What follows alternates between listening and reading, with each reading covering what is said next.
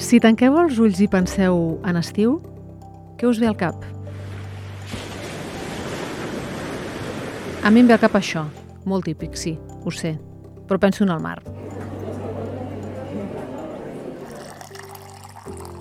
Penso també en terrasses, en sopars, en amics i sempre també una mica en la cançó de l'estiu. I kissed you goodbye at the airport, held you so close to me, I said, so here we are now, and I can't stop from crying, Lily. I he de dir que amb això que sona delat una mica ja l'edat, perquè aquesta té ni més ni menys que gairebé 15 anys. Era el hit de l'estiu del 2009. Però pensar en estiu, lluny d'imatges idíl·liques, és també pensar en això, en ventiladors, en aire, en ventalls i en calor. Molta, molta calor. Especialment els últims anys. I aquest pot ser encara pitjor perquè l'AMET, l'Agència Estatal de Meteorologia, ja ha pronosticat que serà un dels estius més calorosos dels últims anys, mentre el Meteocat es prepara tenint en compte que l'augment de calor és un risc importantíssim per la salut. Soc la Carla Torró i avui a l'Ara, quan arriba la calor, en quina intensitat i com preparar-nos? Miquel Bernis, meteoròleg de l'Ara, què tal? Molt bon dia. Bon dia.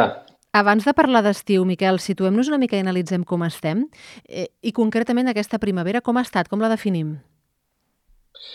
Bé, aviam, clar, la memòria ens falla ràpid, se'ns acaba ràpid la memòria i si ara penséssim en com ha sigut la primavera, probablement diríem, bueno, hem anat bé, no? ara ha anat plovent eh, i, i no ha fet molta calor, però sí que ha fet molta calor la primavera, en va fer molta al març, en va fer molta a l'abril, eh, i això ha resultat que el trimestre març, abril, maig, que és el que es defineix com la primavera climàtica, doncs hagi sigut la més calorosa des que hi ha dades, per exemple, al Tibidabo, a l'Històric Observatori Fabra, a l'Observatori de l'Ebre també, que també és una sèrie molt llarga, amb més de 100 anys, i en moltes altres sèries amb dades des del 1950 que gestiona el Meteocat, a Figueres, Girona, a Flix, Tàrrega, Caldes de Montbui, Igualada, Artés... Per tant, estem parlant d'una primavera que ha sigut extraordinàriament càlida i que fins al 25 o pràcticament fins a tocar de finals de l'abril havia sigut realment seca, molt seca. I això ens situava doncs, en un precipici perquè estàvem a punt d'arribar a l'estiu amb molt, molt poques reserves, eh, amb tot molt sec. Però bé, afortunadament, eh, la truita ha girat i a partir del pont del primer de maig, no sé si recordes que va haver-hi una primera tongada de ruixats en aquell cap de setmana llarg, Sí. i a partir d'aquí hem entrat en una dinàmica que anat, hem anat encadenant pluja, pluja, pluja, i bé, la veritat és que si el 25 d'abril eh, em donen a firmar amb un paper amb les dades d'avui, diuen el 7 de juny estarem com estem avui. Jo i crec que la majoria ho firmem a cegues. Tot i que és veritat que no ha plogut a tot arreu. Això és veritat, eh, també. s'ha de dir. Clar, anava a dir, i com estem? Perquè tu us ho hagués firmat a tot arreu. I, i, i com estem ara? Doncs estem que des de llavors, des d'aquell 20 i pocs, 20 i llargs d'abril, a la capçalera del Ter han plogut 351 litres per metre quadrat, per exemple. A Vic 216, a Núria 243, a Olot 195. És a dir, que hem anat tenint tongada de ruixats rere tongada de ruixats.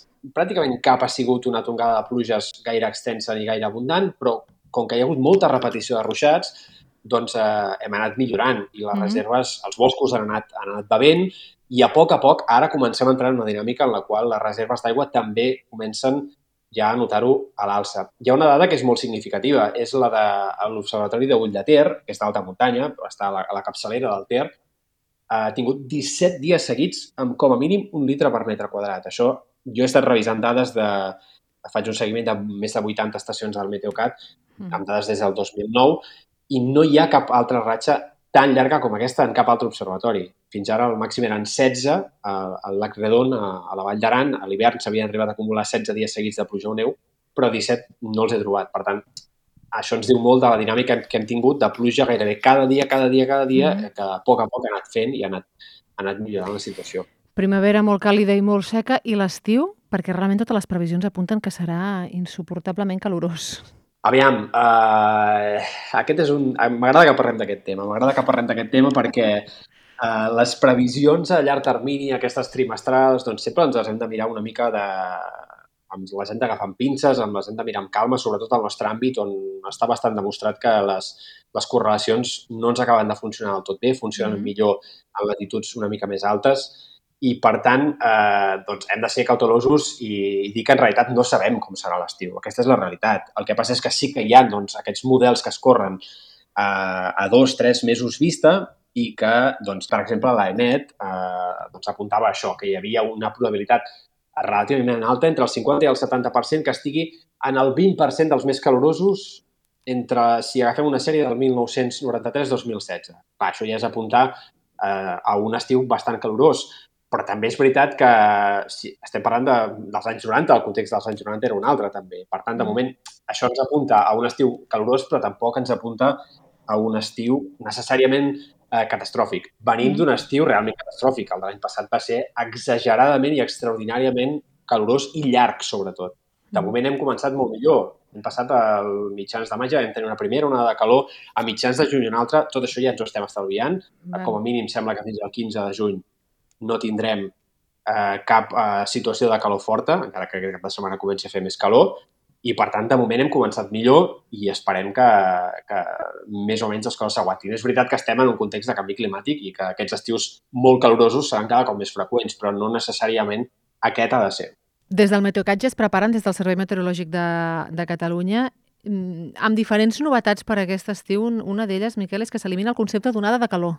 Sí, en realitat s'elimina de la part tècnica dels avisos. No és que el Meteocat no deixarà de parlar d'onades de calor, en seguirà parlant en les xarxes socials, en parlarà a la web, però el deixarà de fer servir en els avisos eh, de perill, els que remeten a protecció civil i que desencadenen el Pla Procicat i tot plegat. El motiu és més aviat una qüestió de, de tipus pràctic. No, no, no és que tinguin res en contra del concepte d'onada de calor, simplement que onada de calor es refereix a una seqüència de dies amb temperatures molt altes, a partir de 3 i més endavant. I el que passava en algunes ocasions era que doncs, podíem passar un període de 10 dies seguits amb molta calor, però entremig en algun dia no es complien els llindars exactes d'onada de calor i llavors s'havia de desactivar l'avís d'onada de calor, però no tenia molt de sentit perquè al cap de potser dos dies hi tornàvem a estar o, o en realitat baixaven una mica les temperatures, però la sensació era que seguíem amb molta calor encara que el llindar no se superés i havia, es generava una certa confusió o una certa contradicció a vegades i per això s'ha optat, segons eh, expliquen el Meteocat, per, per aquest nou format. Avisarà també de temperatures nocturnes molt altes, no? Sí, clar, aquí ens trobàvem amb que els avisos de calor bàsicament eh, es donaven per temperatures extremes diurnes i això, vulguis que no, a no ser que tinguéssim una situació de ponent, que de vent sec, que disparés també la temperatura a la costa, doncs bàsicament feia que els avisos de calor eh, se situessin en comarques interiors i en zones on la temperatura acostuma a ser més alta de dia. Llavors, clar, el, el fet que les nits puguin ser molt xafogoses, aquestes tres tèrmiques pateix també a la costa, que cada cop ho és més, eh, doncs quedava una mica al marge d'aquests avisos i per això s'ha optat per aquesta opció, que és, sembla ser que és pionera a tota Europa, de, de crear aquests avisos de temperatura nocturna, és a dir, calor per temperatura nocturna, també per temperatures mínimes, que s'aplicaran a la costa i al prelitoral, sembla, en, en fase de prova aquest any, veient, veient com va. Costa i prelitoral, que són zones on els afecta molt la humitat. Perquè com afecta la humitat, Miquel? Això és interessant, perquè eh, sovint el que tendim a pensar és que la humitat ens fa suar més i en realitat no és ben bé així. La idea és aquesta, però el que passa en realitat és que quan hi ha més humitat, eh, és a dir, la humitat hem d'entendre que és com gotetes d'aigua que estan al nostre voltant encara que no les veiem. Quan hi ha molta humitat, n'hi ha moltes. I el que ha de passar perquè nosaltres notem un alleugeriment de la temperatura i el nostre cos eh, es reguli bé és que la suor que traiem s'evapori, la incorpori l'aire i en aquest procés és quan nosaltres perdem calor i notem un alleugeriment i, i la nostra temperatura millora. Clar, si hi ha molta humitat en l'ambient, quan nosaltres suem, aquesta suor no pot entrar a l'aire, es queda com... li, li costa molt arribar a l'aire. Llavors, la, la, la, la suor se'ns queda al cos, no s'evapora, no notem aquest alleugeriment i, per tant, això fa que, que la nostra sensació d'estrès tèrmic continuï i que notem un disconfort eh, important. I, I més enllà de la incomoditat que això pot suposar, no? Eh, pot ser greu en alguns casos, en persones que estiguin en una situació vulnerable, la calor és un risc per la salut. Sí, eh, de fet, hi ha un estudi que no és especialment recent, és del 2008, que es va fer, va fer el Meteocat arran de...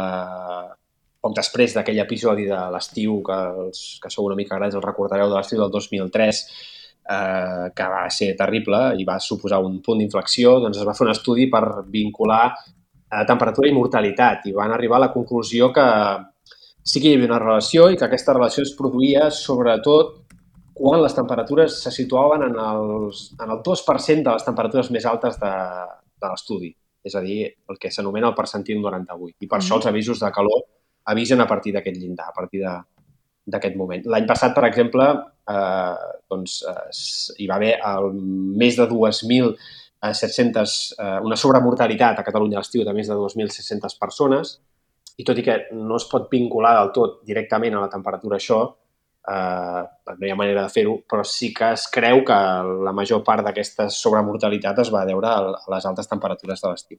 Algun consell pràctic, Miquel, que puguis donar de com fer-ho més suportable? Uf, això és complicat, això és complicat. Uh, intentar evitar que la casa s'escalfi, baixant persianes en les hores de més insolació, el de sempre, vaja.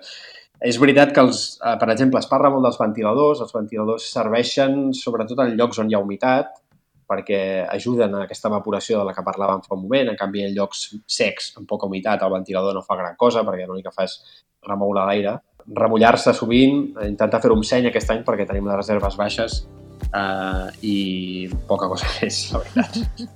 Passar-ho com puguem. Miquel Bernis, moltes gràcies. Gràcies a tu. Marc Moliner, a la tècnica, jo sóc la Carla Torroixos, avui a l'Ara, gràcies per ser a l'altra banda.